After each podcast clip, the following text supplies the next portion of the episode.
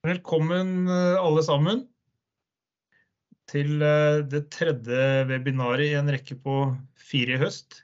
Bare litt praktisk før vi, eh, før vi starter for alvor. Bare gjøre oppmerksom på at webinaret blir tatt opp, sånn at alle vet om det. Og det blir lagt ut i ettertid på hvert fall skiforbundet.no og sammen med et kortfatta referat. Eh, så åpner vi chatten for spørsmål hvis det er noen som har det. Får vi prøve å bruke den, så skal jeg prøve så godt jeg kan å følge med der og smette inn med noen spørsmål underveis. Så som sagt, veldig fint hvis alle muter sine mikrofoner. Eh, det er webinar nummer tre av fire høst, som sagt, i regi av Skiforbundet langrenn og Hedmark skikrets. Og det er en videreføring av det gode arbeidet som Hedmark skikrets ved bl.a. Avle, som er med i kveld, Mette Torslund med flere, starta under pandemien. I kveld så har vi ehm, tema hormonsvingninger og trening for kvinner. Og hvordan kommunisere godt rundt det temaet, og ikke minst tilpasse trening. Så jeg har fått med oss to veldig godt kvalifiserte folk til å guide oss gjennom eh, kvelden. Guro Strøm Solli, som er førsteamanuensis ved Nord universitet. Og tidligere topputøver i langrenn, landslagsnivå, med, så vidt jeg vet, Guro, en VM-tittel i rulleski og pallplasseringer i World Cup.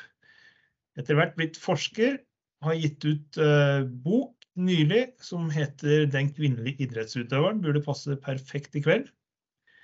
Og så vet vi at du har studert i Meråker sammen med en annen gjest her i kveld, som heter Per Ola Gassmann. Per Ola er sportssjef i langrenn på NTG Lillehammer. Jobber daglig med ungdommer som eh, står midt i den tematikken vi skal diskutere i dag.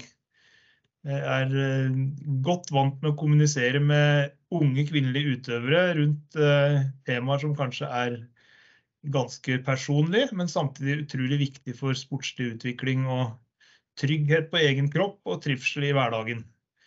Og så tror jeg vi må si det, Per Ola, du har eh, god erfaring med utøvere på høyt nivå, både junior og senior. Jeg mistenker jo at du fortsatt følger opp noen tidligere NTG-elever sånn i litt på, på si.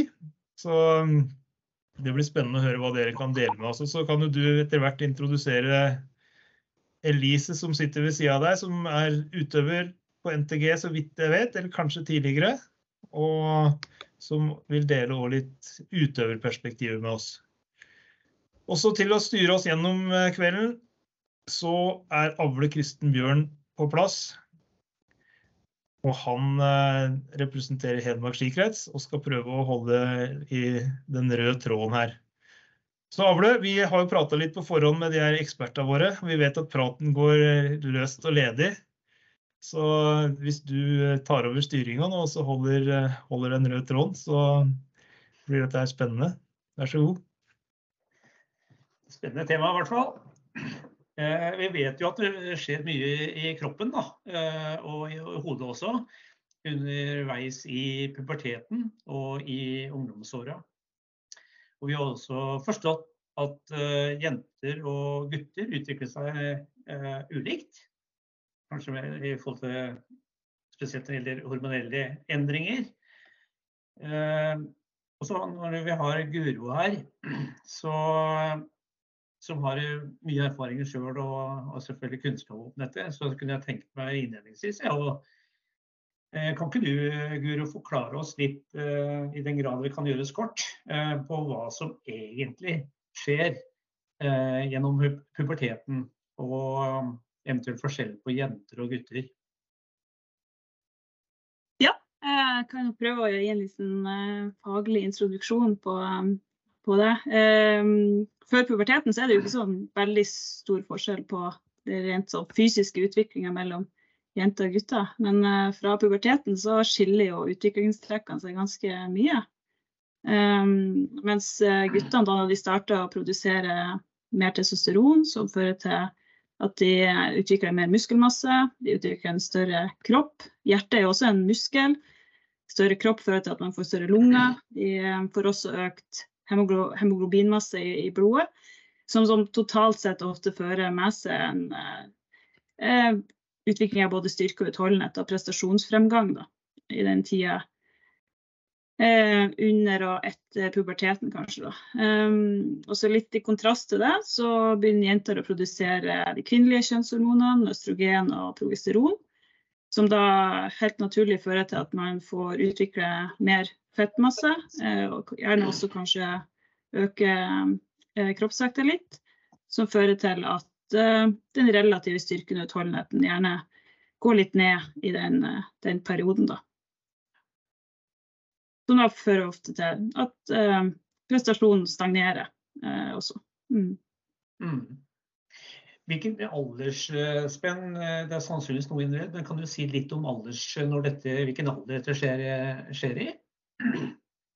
Ja, eh, jenter kommer vel i gjennomsnitt i puberteten ca. to år før gutter. Så er vel gjennomsnittsalderen i befolkningen rundt 11 for jenter og rundt 13 for gutter. Og så kan jo det her spenne over flere år. Så det er vel fra kanskje 11 til 15 år og 13 til 18 år kan vel nesten være den perioden der de her endringene skjer. Um, så det er jo store individuelle variasjoner i både ja, tidspunktet når det skjer og hastigheten på det.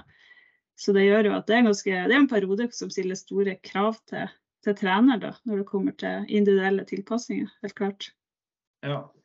Det du sier om eh, hormonelle utvikling hos gutta, altså med, bl.a. med testosteron, det betyr, betyr, det rett og slett at gutta blir bedre uten å gjøre si trene noe, nesten? I den eh, fasen her, den alderen her? 15-16-årsalderen? Ja, ja, helt klart. Eh, det er nok eh, Vekst og modning er, ganske, er kanskje den, en viktigste faktor til, eh, til forbedring i, i prestasjon uh, i denne perioden. Så, ja. så helt klart. Mm. Men sånn etter puberteten, for jeg tenker på at det, noen av jentene er vel de er kanskje ikke ferdig, men du, du, drar jo med seg dette opp i junioralder. Og jeg har inntrykk av at det skjer en del også gjennom i junioralder. gjør det ikke det? Jo, det kan Det er veldig individuelt kanskje når de her endringene treffer inn. Og så er det jo også kanskje litt sånn utfordrende at ofte så altså, Endringene for jentene skjer jo også i Samtidig sånn at idretten blir kanskje litt mer seriøs, det blir økte treningsmengder, det blir også økte distanser. Eh, mm. Så det er jo også en, kan jo være en liten utfordring, da. Mm. Per Olav, du jobber jo eh, hver eneste dag sammen med eh, utøvere. På et høyt nivå, får vi si, da. Men eh, juniorutøvere, la oss si, i denne sammenhengen. Eh, både jenter og gutter. Eh, med bakgrunn i den kunnskapen vi har eh, som Guro refererer til her, hvordan møter dere den hverdagen, eller hvordan møter dere utøverne på Norges toppidrettsgymnas? Ja, eh, jent, både jentene og guttene starter hos oss når de er 15 eller 16 år. Eh, det vi ser, at det er en del mangel på kunnskap rundt dette her. Eh, så i ja, nesten allerede første uka så setter vi oss ned med jentene, enten i eh, fellesskap med alle, alle de nye jentene eller individuelt, og prøver å oppdatere med litt på kunnskapen om hva som skjer med kroppen i den alderen der. Eh, som Guro sier, så er det jo veldig individuelt. Noen har vært gjennom en, en eh, fase allerede der man har blitt gått fra å være jente til dame og fått økt fettprosent, og så er det noen som skal gjennom det. Ehm, så føler jeg at det er stort behov for informasjon, kunnskap, mm. både til utøverne, men også til foreldrene. Jeg opplever kanskje at ikke foreldrene har den kunnskapen om hva som skjer med kroppen. Og når det kanskje går litt tyngre i motbakke, så møter det med feiltrening, eller eh, andre ting, så er det kanskje en helt naturlig greie. Ehm, så mye informasjonsflyt i starten. Kunnskap, øke kunnskapen om dette her. Eh, og så I tillegg så er vi jo heldige og har eh, jentene her i tre år, og, og, en del som også er med oss etter fjerde år. Vi bruker de eldre jentene til å samtalepartnere for de yngste. Så de kan fortelle hva, hva som har skjedd med dem, hva, hva de har gjennomgått. Eh, og så har vi jo statistikk. Vi har en eh, motbakketest. Sånn. Der vi, statistikken viser at 80% løper saktere enn de gjorde i, første, i andre klasse enn hva de gjorde i første klasse. Mm. Men så ser vi at når du kommer i tredje klasse, så er det har det snudd litt igjen. Altså snittlig og at de løper eh, litt eh, raskere igjen. Og så er vi jo heldige å ha med en, eh, en del vi kaller fjerdeklassinger, eller noe vi kaller NTG20, som er med oss. Og da ser vi at de aller fleste er oppå topp, beste nivået sitt, beste nivået sitt igjen, eller, og gjerne ja, på pers. da. Ja, jeg har med meg Elise her, som nå, har gått på NTG i tre år og er nå på det fjerdeklassetilbudet vårt. Kanskje du kan fortelle litt hvordan eh, det har vært for deg og de andre hjemmegamle? Ja. Den beskrivelsen av NTG-testen passer meg perfekt, egentlig. Det er akkurat det som har skjedd med meg. Ehm, og nå er vel nesten alle fjerdeklassejentene eh, er på pers på NTG-test, så det lover bra. Eh, og for meg, spesielt for meg, da, så traff denne tunge perioden i første, første andre klasse. Og da var jeg mye lei meg, og det gir jo mening i og med at du får veldig stagnasjon. Du klarer ikke helt å få bedre kapasitet, O2-kapasitet. Jeg, var, jeg satt mye her på kontoret og var skikkelig lei meg. Men jeg var heldig, fordi jeg, helt siden jeg starta, så hadde vi hatt samtaler, jeg og Per Ola, at denne denne perioden kunne komme til å skje, og da måtte vi gjøre det sånn og sånn og sånn for å komme oss gjennom det. Blant annet uh, hjalp det jo veldig å prate med de jentene som da gikk i tredje klasse, om at bare det at de hadde forståelse, da, noen du så litt opp til, hadde forståelse for at uh, en periode som man egentlig ikke kan noe for, det syns jeg hjalp. Hjelp. Bare plaster på såret. ja. Det, jeg skjønner jo det at det kan være vanskelig både å akseptere at eh, på en sånn test så fra første klasse til annen klasse så er det faktisk tilbakegang. Og du har gjort eh, jobba enda bedre, liksom. Jeg skjønner, Du gir uttrykk for at du er litt lei deg. Men eh, hvordan, hvordan, er det til Per Ola? Er det, klarer dere å få forståelse for dette og skjønne at det er, ikke, at det er naturlig, faktisk? Eh, ja, det opplever jeg. Og det, det er jo ikke bare med én altså én jentutøver det skjer. Det skjer jo stort sett ja, som sagt 80 da, eh, i snitt eh, skjer en endring på. Ja. Så de, de, kan jo vi kan snakke, de kan snakke om det sammen.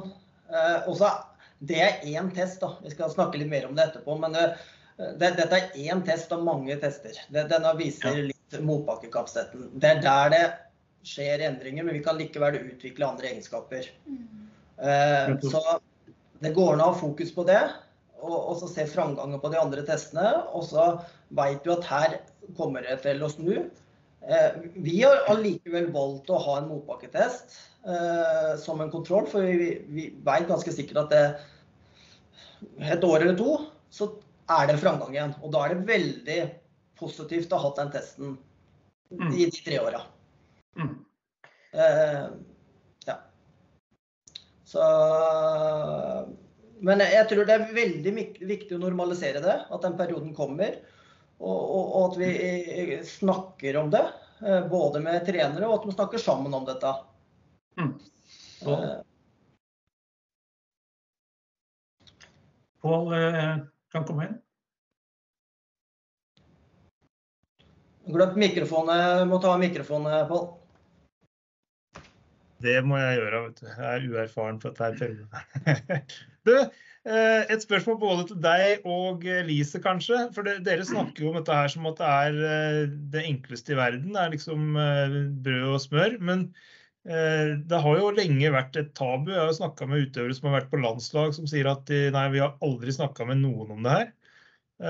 Og da tenker jeg, det, Hvordan klarer dere å skape den trygge, gode dialogen og situasjonen. For det tror jeg kan være lærerikt for mange. Um, ja, først og fremst så er det har vi, dette, dette er et tema vi skal snakke om på hver samtale. Så det, det, er blitt en naturlig greie. Jeg sier ikke det er lett. Uh, som Elise sier, så var hun ofte lei seg uh, i denne perioden. hun så måtte bruke måtte være litt hobbypsykolog og, og få snudd huet litt og være litt mer positiv. Det føltes ut som det var en greie Det her var en ting som jeg visste at kom til å slippe. Jeg måtte bare holde ut, på en måte. Og det var også en litt motivasjon at OK, men hvis jeg bare jobber med alle de andre arbeidsoppgavene som egentlig er vel så viktige, så vil den Oton også bare Den vil falle på plass da nå. Mm. Det høres jo vanvittig bra ut, eh, men er, det, er, er, du litt særskilt i så måte? For det, det, høres ikke så lett ut akkurat det heller, da. Å ha den tålmodigheten og vente på at ja, bare vent, jeg jobber på, og så kommer det Nei, men jeg hadde jo snakka med de eldre jentene, da. De ja. som er to år eldre. Og jeg føler også når jeg snakker med de som er yngre enn meg igjen, så er det veldig sånn åpen dialog. At vi bare sånn Ja, men du, jeg skjønner. Du kommer deg ut av det. Jeg, mm. liksom, alle har på NTG har en forståelse av at OK, de går på det trinnet. Men mange av de har det litt tøft. på en mm. måte. Kommer eh, det, Dere snakker som det er nesten en sånn eh, eh Alle kommer med Eller får oppgang eller framgang igjen i kan du si, siste års junior, på en måte. da. Men, eh, men det kan kanskje ta lengre tid, eller for noen. Men hvordan, hvordan er det? Hvordan er erfaringene med det? Ja, eh, Vi har jo sett at det er utøvere som faktisk at det ikke løsner før de er 2-3-24 år òg. Mm. Eh, vi, vi, har jo tilfeller av det, og der det har tatt flere år. Eh, men så, jeg tror det er veldig viktig bare at det, i den fasen han er i, at han fortsetter å spise normalt, spise godt, vanlig, og ikke gjøre feil vurderinger, da, eh, så tror jeg det er større sjanse for at du kommer raskere tilbake òg. Eh, ja. Og så er det en del endringer vi, vi prøver å gjøre noen endringer på trening òg. Eh, nå vet jeg det er neste punkt, så jeg kan ta det på da. Snakke om det da.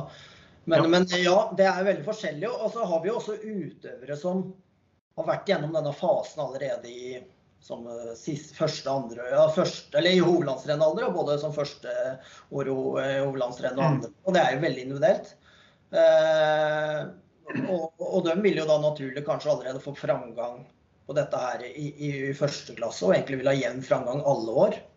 Eh, spesielt de som har vært veldig tidlig i puberteten. Og så er det de som er veldig, som du som også er veldig sein i puberteten, som kan nesten ikke oppleve dette her før du er ferdig med NTG òg. Så det, det, det, er veldig stort sprik. Det er sikkert fem-seks år på sprik. Ja. Men, jeg, men jeg oppfatter at i hvert fall dette med samtalen Elise syns jeg sa det ganske tydelig også. Eh, å kunne snakke om det, skape trygghet kanskje på den måten. Forstå ting. Både snakke med trener, men ikke minst også kanskje snakke med andre medelever eller eh, jenter. Og ikke minst de som er eh, når du begynner da, og i siste klasse, eh, er det litt fete bokstaver, akkurat det? Å tørre å ta det opp? Og, og, så er det jo det som jeg starta litt med, det er å få med foreldrene på dette her òg. For er, vi okay. må skape forståelse der òg. Hvis en far eller mor pusher på og er, ser at dette går tyngre, og, så er det utfordrende når eh, utøveren blir pusha hjemmefra. Mm. Eh, far ser det går tyngre i motbakke. Eh, og også komme med noen kommentarer. Eller, eh, eller ja, så det ja. jeg, jeg, jeg, er i hvert fall veldig opptatt av at den, i den fasen er at jeg, jeg har med foreldra. Mm. Så ikke det kommer noen feil kommentarer derifra. Ja. Dette handler litt om kommunikasjon, Guro. Hvilke refleksjoner gjør du deg når du hører Elise og Per Ole der? Jo, jeg syns det er utrolig bra, og det er jo kanskje litt av motivasjonen bak den boka som vi akkurat har gitt ut også, at det kanskje er flere særtrekk ved utviklingsprosessen til den kvinnelige utøveren som har vært litt uh, underkommunisert. Um, så er jo også at vi har, vi har jo mindre forskning på uh, den kvinnelige utøveren, uh, men det er også den kunnskapen vi har, er også kanskje en tendens til å ikke å nå ut. Da. Så, så jeg tror det er kjempeviktig. Og så tror jeg også det med eh, å stimulere til erfaringsdeling mellom jentene i denne perioden, som, som vi nevnte her, er, er kjempeviktig. Fordi eh, budskap fra, fra, de som er langt over i alder, det har litt annen innvirkning enn de, kanskje de utøverne som er, er forbilder. Da. Så Så det Jeg syns det høres eh, veldig bra ut. Mm. Mm. Kommunikasjon, samtalen. Og jeg, hvis jeg går litt inn, tør bevege oss litt inn på treningen, da, for det spørsmålet er jo også eh, på bakgrunn av det som eh, kommer fram her, så er det jo kanskje naturlig å spørre i dette grunnlag for å, at jenter og gutter skal trene forskjellig. Eh, kanskje spesielt i puberteten og opp gjennom eh, junioralderen. Det er det som er eh, de spørsmål her. Eh, jeg har lyst til å spille den eh, over til deg, eh, Per Ola. Du har jo både jenter og gutter i den alderen der. Er det, hvordan, trener de absolutt likt, eller hvordan er dette her? nei, det, det, er, det, er, noen forskjeller. Det, det, det, er så gjort veldig lite forskning eh, på dette. Eh, vi, vi, er nå faktisk nå midt i et forskningsprosjekt her på, med Høgskolen på Lillehammer eh, rundt styrketrening på, på jenter. Og mhm. for det, det, har det ikke vært gjort sånn ja, Ikke vært forska så mye, i hvert fall ikke mot langrennsløpere. Det, det, er viktig. Vi, vi, har jo en månedlig samtale her på, på NTG der vi snakker om dette. Vi, prøver også å gjøre en tracking på syklus eh, for å se eh, når er det syklusen er, og er det noen endringer på dagsform og, og, og kvalitetene på øktene.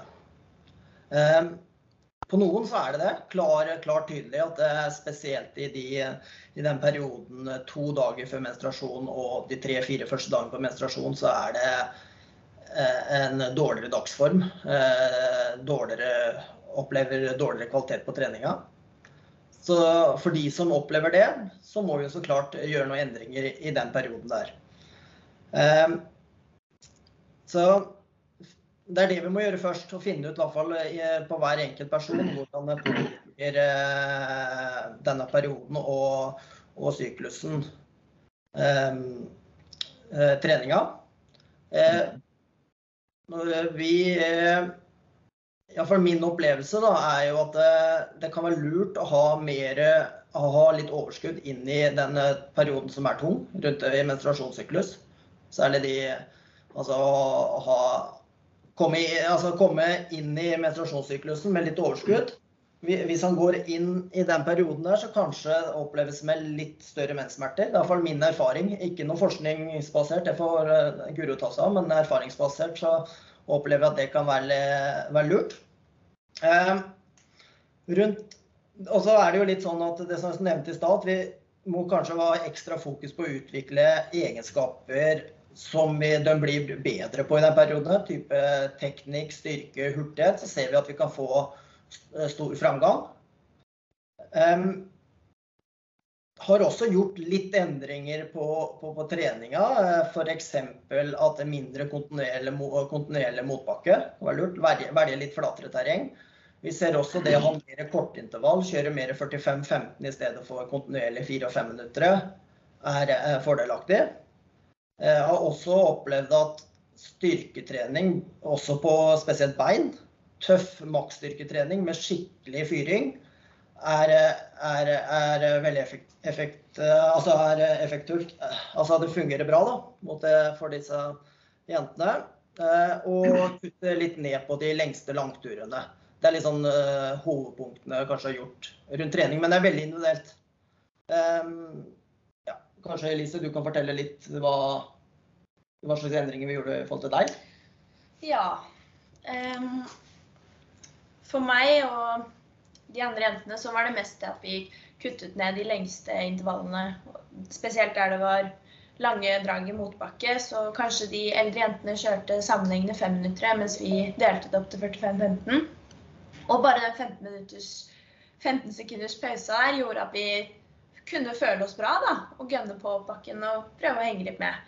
Eh, også designe ja, det med design av intervallen, men også det å legge intervallen i litt flatere terreng opplevde vi som mm. positivt. For det er jo ja. viktig å få en god følelse, da, vil jeg si.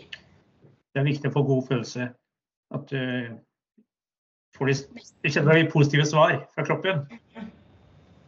Vet ikke, Guro, eh, Du ble utfordra litt på det forskningsmessige. Det er kanskje ikke gjort for mye forskning på dette, her, men eh, litt igjen hva slags trening i den grad det er det, da.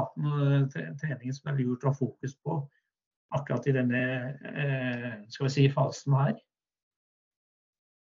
Ja, det er rett som Per Ola sier når det kommer til eh, f.eks. styrketrening, så har man jo kanskje ikke noe tydelige svar fra forskninga, men det er jo kanskje veldig logisk at det kan være smart å siden eh, kvinnelige utøvere i utgangspunktet får utvikle litt mindre muskelmasse og i tillegg gå litt opp i vekt i denne perioden, så kan jo styrketrening være gunstig, da, rett og slett for å tåle å, å trene. Um, og så er det jo også at det kanskje kan være mer motiverende å, trene noe som man opplever fremgang på i tillegg. Da. Ja. Når det kommer til uh, trening relatert til menstruasjonssyklusen, så, så har det jo vært litt diskusjon i forskning om det kan være smart å gjøre, periodisere f.eks. styrketrening til ulike faser av menstruasjonssyklusen, sånn at du kan få mer effekt. Um, men der opplever jeg at forskninga har gått litt sånn i motsatt retning den siste tida. At vi egentlig ikke har så gode bevis for at det, det gir effekt. og sånn at, sånn at uh, det er liksom Hovedanbefalinga for forskninga er jo litt som Per Ola sier, at hver enkelt utøver bør trekke og, og, og, prøve å finne ut av sine egne mønster, og så gjøre tilpasninger deretter.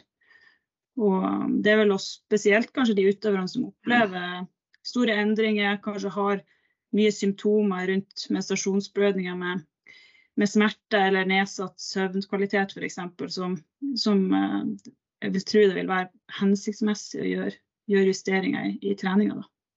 Mm. Hvis vi holder oss litt på de elementene, styrketrening, eh, kan du si, kapasitetstrening i intervalltrening, og for så vidt også dette med å velge profil, litt flatere terreng. Hvis vi styrketrening, eh, kan du, eh, hva slags styrketrening er det vi snakker om her, og hvorfor er det lurt å legge inn, egentlig? Det kan kanskje Per Ola hvordan erfaringen har med type styrketrening, om det Ja, Uh, ja, det, det, er jo sagt ikke noe forskningsbasert, det er kun erfaringsbasert. Uh, men det er relativt mange jenter som har vært gjennom dette, som opplever det samme. Uh, vi ja, for, eksempel, for eksempel Elise som sitter her, har, kjører, ja, kjører beinpress. Og, og tre-fire overkroppsøvelser pluss to andre beinøvelser som går mer på legg og, og hofteleddsbøyeren. Eh, mm. men, men det, det, det jentene opplever da, når de har den styrketreninga med skikkelig punch, skikkelig trøkk, der de altså, tør å legge på nok vekter Og fire. Og få ordentlig fyring. Ordentlig fyring. Så opplever de at muskulaturen er bedre etterpå. Og Eh, den, I den perioden som vi driver og snakker om, da, så er det jo mange jenter som opplever litt tung muskulatur. Det er det den beskriver litt, at den blir litt sånn seige, monoton i muskulaturen. Og, og, det med å ha den styrkeøkta minst én gang i uka, kanskje opp til ja, to år, og samtidig med en del hurtighet og spensttrening, at du får løsna litt opp den muskulaturen. Og så er det ikke noe tvil om at det er en fordel å være sterkere i beina når du går litt opp i vekt.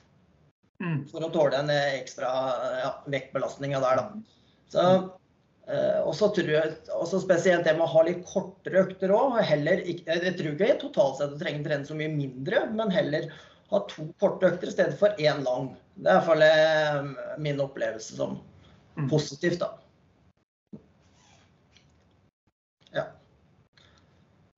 Men uh, Guro, litt tilbake igjen til um, uh, trekking av menstruasjonssyklus og, og, praktisk bruk av det. Kan du si litt om det? Si hva og hvordan? Det sier seg kanskje litt sjøl, men det er jo hvordan bruke det og hvordan systematisere det. Ja, eh, det finnes jo Nå er det jo blitt mulighet til å loggføre syklus i Olympiatoppen-treningsdagboka. Um, og så finnes det jo også apper som det er mulig å trekke i syklus og kanskje lese litt uh, mer om hva som skjer. Uh, Fitter Woman er en sånn app som, uh, som er tilpasset idrettsutøvere. Da. Som kanskje kan være fint verktøy uh, for kanskje litt yngre jenter også, der du kan både tracke og lære litt om endringene som skjer. og så, så er det jo også integrert i mye av ja, programvaren til Garmin og Polar nå. Begynner få, de begynner å få ganske gode algoritmer som på en måte predikerer syklus. Eh, sånn at, og det kommer det sikkert til å skje litt eh, på den teknologiske fronten fremover også med, med kunstig intelligens osv. Så, videre. så Så det med det er veldig gode muligheter for å få oversikt om det finnes sånn mønster, mønster der. Men um, Mitt inntrykk er at det er store individuelle forskjeller. Det er noen utøvere som har, oppleves betydelige endringer, og så andre utøvere som, som, opplever svært lite endringer da, eh, gjennom syklus. Mm. Så er det et annet uh, oppfølgingsspørsmål i forhold til det med syklus og trening, konkurranser. Nå vet jeg at du er ganske nøye på at du ikke er lege, men uh, hva tenker du om å bruke hormonell prevensjon for å manipulere syklus Nei, når vi er, I hvert fall i de studiene når vi har spurt eh, idrettsutøvere om, om, bruk av hormonell prevensjon, så er jo det en av, en av årsakene de nevner sånn, utover det å ha en trygg prevensjon, er jo at du da får muligheten til å på en måte styre blødningsperiodene eh, mer. Um, og kanskje også det med å redusere smerter tilknyttet sykehusene er årsaker som de, de nevner eh, som grunner til å, å begynne på hormonell prevensjon. Jeg vet ikke om Per Ola og, og Elise har noen praktiske erfaringer med, med det. Uten, er heller ikke leger, da, men. Altså, så klart vi har, vi har, en del utøvere som har eh, starta på prevensjon pga. store menssmerter og store blødninger. Eh, og fått et opplever det som positivt. da. Eh, at det blir mine, Når hun går på prevensjon, da, om det er spiral eller om det er p-piller, at, at det blir mindre blødninger og mindre smerter. Så har vi noen som også altså seniorutøvere som velger å ikke gå på det i hele tatt. For de tror det går utover kvaliteten på treninga. Men det er litt individuelt, det der. Men mm. det, alle det, vi, vi, jo, vi, vi, bruker jo helsesøster på dette her. At når det er eh, de utfordringene der, så går det ned å snakke med henne og få veiledning i forhold til hva slags prevensjon de kanskje bør brukes for i forhold til sine Om det er utfordringer mot eh, ja, det, det, å fungere bra både på trening og ellers, da. Har du noe å si, Elise? Nei, det var veldig bra. Ja. Ja, Det er vel en tydelig anbefaling fra forskning. Vi har jo kanskje litt, vi har litt uh, lite kunnskap der også, spesielt om de litt mer moderne preparatene. Um, så det, det, er liksom den praktiske anbefalinga fra forskning, det er jo å, en individuell tilnærming. Så du bør diskutere helhetssituasjonen din med idrettslege eller gynekolog, sånn at du får uh, forskrevet et preparat som, som, du er fornøyd med, som passer deg. Da. Så det er vel Eh, rådene fra forskning på den fronten. Bra. Det har vært eh, mye i media, kanskje over flere år, men eh, i hvert fall det siste året, rundt det med utfordringer knytta til hvite fotballshortser. Det har vært tema liksom, er vi flinke nok til å tilpasse omgivelser til jenter, kvinner som har menstruasjon, i forhold til tilgang til toaletter, pauser i treninga osv. Er, er det et tema vi bør tenke på i, i langrennssporten?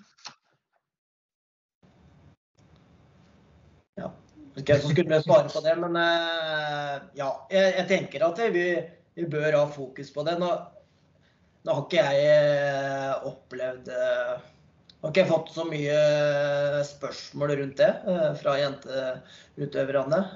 Men jeg tror absolutt det bør tas hensyn til det. Jeg vet ikke Elise. Har du opplevd noe rundt det, eller noe som Det kan jo være at flere Jeg har jo venninner som er sånn Oi, kan du sjekke, eller kan du ta en titt, liksom.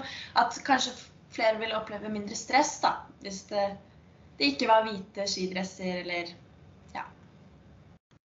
Hvis det var det du ville inn på. Ja, det er um, var egentlig det jeg ville inn på. Jeg tror Guro, du sitter på noen nye fakta, gjør du ikke det?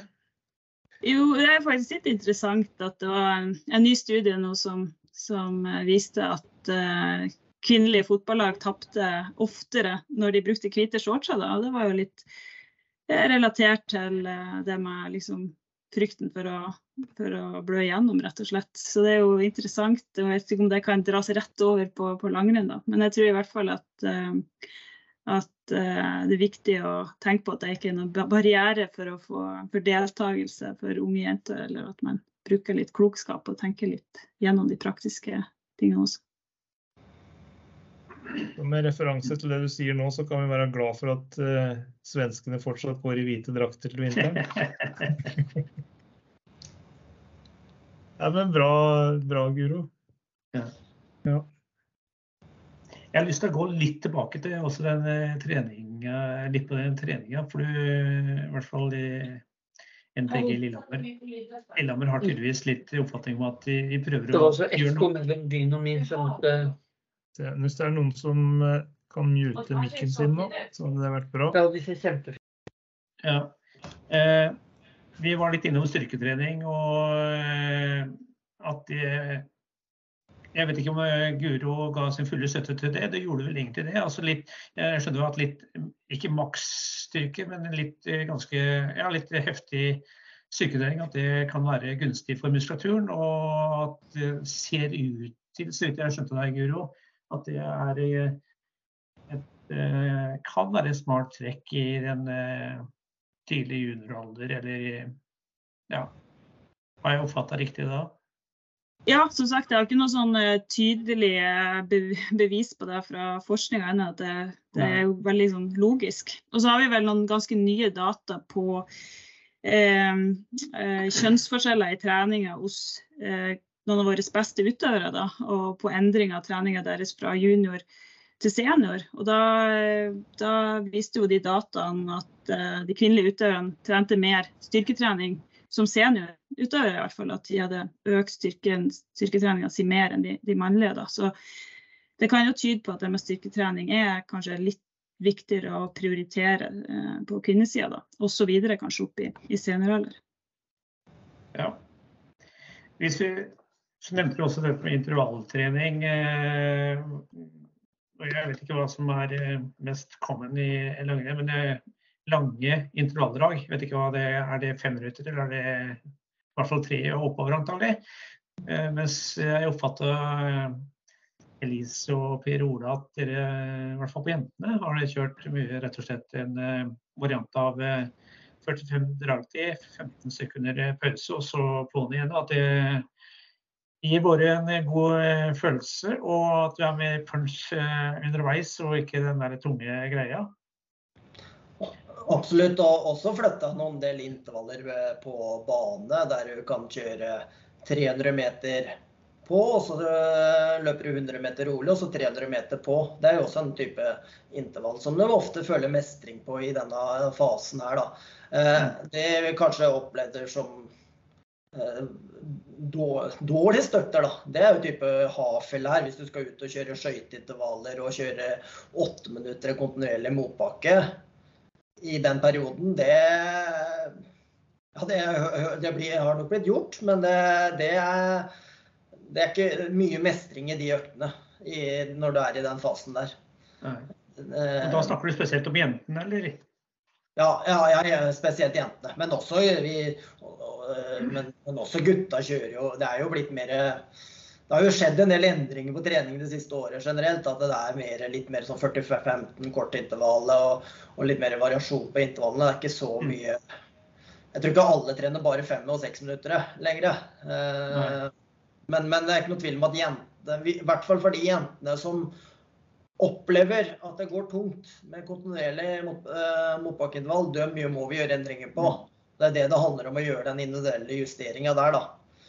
Ja. Eh, så for, for Lise sin del så var det og en to-tre andre jenter i, i den klassen som gjorde de endringene, mens de andre følte fortsatt at de kunne kjøre motbakkeintervall, eh, mer motbakke. da. Og, så det, det ble, ble gjort litt justeringer der. Vet er dere om spørsmål- blir samme Unnskyld, eh, hva sa du? Vent litt, jeg svarer et oppfølgingsspørsmål Ja, til Ola. Vet dere også om, eh, eh, om det er samme effekten, det, det korte intervallet, samme effekten i forhold til å øke, eller i forhold til å påvirke maks O2 av aerobokapasitet? Eh, eller er det mer sånn Jeg skjønner at det er på mestring og det gir en god følelse, og det, ikke, det kan jo være mer vesentlig nok, men vet vi nå om, også om det gir den ønska effekten på, hvis du skjønner, på maks O2? Ja, Vi ser vel på våre eh, tester da, at vi, vi greier ikke få noen stor utvikling. Men altså, i den alderen der så har vi først og fremst fokus på å øke literopptaket. Eh, Mm. det, det gjelder egentlig både jenter og gutter. Det er eh, literopptaket vi ønsker en fremgang på. Eh, det blir veldig mye media fokusert på å dele på kilo, altså milliliterverdien. Eh, eh, det ønsker ikke vi å ha fokus på, verken på jentene eller guttene i den alderen der. Mm. så, så at literopptaket endrer Men vi, vi ser jo at får kanskje ikke den endringa de ønsker i den alderen der. Og ja, vi har diskutert det mye, vi trenerkollegaene her på Lillehammer, om er det vits i å fortsette å ha to-tre intervaller i uka? Som, eh, eller kan vi kutte ned på én, og, og, og at det ikke har noe at det ikke er noe stor forskjell å kjøre én og tre, for vi vil ikke få noe stor fremgang allikevel. da. Eh, At vi kan heller gjøre trene annet. Bruke hardøktene til noe annen trening som vi vet vi kan få utvikle egenskap på. Eh, Vi, vi har ikke turt å gjøre, gjøre den endringen ennå. Eh, Det er kanskje noe vi har lyst til å forske litt på òg. Så, men så klart det er jo viktig, skal du gå konkurranse på vinteren, så må du jo ha en del økter der du er oppe i konkurranseintensitet. Da. Det, det er jo viktig. Så blir det vanskelig å prestere. Mm. Men eh, ja. Eh, Men mer fokus eh, I hvert fall veldig viktig å opprettholde eller øke andelen med spenst, hurtighet og, og, og tøff styrketrening. Det, det, det ser vi som eh, å heller kutte litt ned på langturene i den perioden. Ja. Eh, det er vel et spørsmål her, Pål. Ja, det kommer noen spørsmål i chatten her nå, så da kan vi jo Det første jeg tenker er til eh, Per Ola og Elise. I forhold til kortintervall, som det snakkes om, er det snakk om å tilpasse i menstruasjonsperioden eller gjennom hele puberteten mer generelt? Mm. I, I hele perioden. Eller ikke, ikke, ikke, hele, ikke, ikke bare under menstruasjon, men egentlig hele ja, Det ett eller to åra vi opplever som uh, tungt. Da. Det kan være lengre for noen og kortere for noen òg, men uh, i den perioden. Ja. Så um, bra, Men, men, vi, men mer- eh, ja. generelt så har vi jo trua på litt mer kortintervall. Da. Uh, Nå er jo, hvis du går i en, en skirenn i en type ja, en normal løype, så er jo det litt altså Da er det jo kanskje en minutt på, så får du hvile 20 sekunder, og så er det en minutt på. da, så vi, vi har jo generelt litt mer trua på det. Eh, Men vi ser opplever i hvert fall at jentene følger mer mestring med sånn type intervall. Ja, bra. Eh, og så er det et spørsmål her om eh, hva med å periodisere treningen etter når man er på topp med energi osv. i syklusen. Altså om det er hensiktsmessig å trene mer og hardere midtveis i syklus og utnytte denne gode perioden.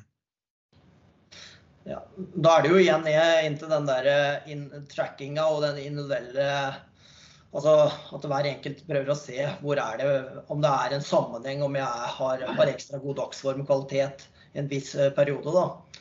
Eh, ja, eh, forskningsmessig kanskje, eller, eller i hvert fall sånn teoretisk, så skal det være i den fasen, med midtfasen, at han er, er, er best. Men det er ikke alltid det stemmer. Men eh, i hvert fall prøve å ta ned Kanskje ikke ha de tøffeste treningsperiodene midt inn i de to dagene før eh, menstruasjon og de tre-fire første dagene under menstruasjon. Det, det tror jeg kan være smart, da. Og så har vi kanskje, hvis vi knytter det du sier nå opp mot det Guro og delvis dere har snakka om, med å trekke sin egen syklus og finne sine egne gode perioder, kanskje da, som, er, som jeg skjønner kan være litt forskjellig. Absolutt. Eh, og så kan jeg jo si eh, i hvert fall Min erfaring er jo litt sånn at altså Noen ganger har vi jo utøvere som vi kaller litt ikke-fungerende, som er litt tunge, sliter. Ja, og har vært det litt over i en lang periode. da, eh, Enten blitt hatt type kyssesyke eller andre sykdommer, så kroppen har stagnert litt eller blitt litt dårligere, ikke fungerer. Eller kanskje blitt trent feil over litt for lang tid. Så er min opplevelse da på de at menstruasjonssmertene kan være større i en ikke-fungerende periode. Og Det kan, tror jeg kan være litt signaler hvis menssmertene øker, så at det kanskje er et tegn på at eh, status ikke er så bra. Eh, det er bare mine refleksjoner, men det er opplevd det med flere utøvere, altså. Mm. Også seniorutøvere. Mm. Hva tenker du, Guro? Har du noen betraktninger mm. rundt de tingene? Det er jo, eh, Menstruasjonssyklusen er jo en, en, viktig helseparameter for kvinnelige utøvere. Det å ha en, en, regelmessig syklus er jo et tegn på at kroppen er i balanse. Så det er jo veldig på en måte logisk at hvis man opplever en endring, enten det at, at man, mister menstruasjon eller at man får økte smerter, at da er det kanskje et tegn på at det er et eller annet som er, er ute av balanse i kroppen. Da, og at det kan være smart å, å følge opp. Og det er jo en av de viktige tingene rundt det der å få litt mer eh, kunnskap og kommunikasjon rundt de her tingene i idrettsmiljøet, sånn at de som, som trenger det, faktisk oppsøker hjelp. For det viser jo en del, del studier at det, det, er mange utøvere som, eh, som enten har store smerter eller store blødninger eller mister menstruasjon, og så oppsøker de ikke, ikke hjelp uh, for det. Mm. Rekker vi et spørsmål til fra meg, Avle? Ja da. For jeg er litt nysgjerrig på um, Per Ola og Elise i forhold til kommunikasjon. og Du nevnte ordet mestring, Per Ola. Og Mestring og trening er jo én ting, men mestring og utviklingsfokus og konkurranser i den perioden her, som òg kan være litt krevende. Hvordan løser dere det? Um, vi, vi, har jo en eh, arbeidskravanalyse uh, der Elise annenhver måned skal gå inn og vurdere sin kapasitet på hvert enkelt arbeidskrav. Uh, enda han har sett at det har kanskje gått litt feil vei på det vi kaller motbakkekapasiteten, ARO-kapasitet. Så har likevel Elise sett at du har hatt, fått framgang på de andre eksportene. Og, og, det gjør jo at det eh, blir eh, Ut av våre samtaler så tror jeg jo likevel det har vært positiv. da, å komme ut Og sett at, og det, det har prøvd å forsterke det, de tinga hun har blitt bedre på. Eh, så, og, at, og, vi har også sett både Lise og de andre har jo sett at de kan prestere, i hvert fall i løyper med, med litt kortere bakker, litt raskt føre, og særlig sprint. Mm. Så har han jo sett at han uh, kan prestere veldig godt også i, i, den fasen det har gått i hvert fall tyngre motbakkemessig. da. Jeg kom på et mm. tiltak til vi gjorde i den perioden. For meg da, var at jeg kjørte Vi er veldig fan av I4-intervaller, men jeg kjørte et par ekstra I3-intervaller for å kanskje øke arbeidsøkonomien min. da. Sånn at jeg mm. skulle ha en sjanse til distanse. Mm. Og det så vi funka litt for meg, da. Så det gjorde også at jeg følte på litt mer mestring. For det var Det er jo, sånn, det er jo ikke nok forska på, men det er jo ikke er jo ikke akkurat så veldig mye å gjøre når man er i den perioden. Som man sa, enten én eller tre intervaller har jo ikke, kanskje ikke så mye å si, da.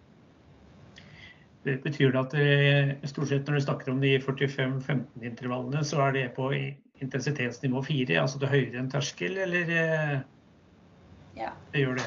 Er det et bevisst valg å kjøre såpass høyt framfor å kjøre mye på terskel, som du nå valgte å kjøre noe terskelintervall, da? Ja, altså, altså Generelt, da, det, vi på NTG har jo en, vi, vi, trener ikke så mye terskel. Vi trener eh, i den, eh, Både gutter og jenter trener mest eh, sone uh, fire-økter på hardøktene. Vi trener jo nå så klart mm. også fem og mest kontrollerte sone fire-økter.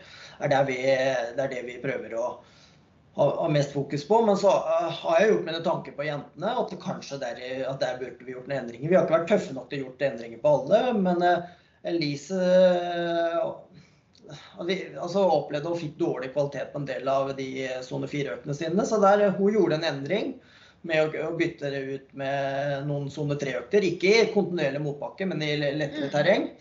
Ja. Eh, for henne så funka det veldig bra. Følte mestring og fikk utvikling, spesielt teknisk, ved å kjøre en del sånne økter.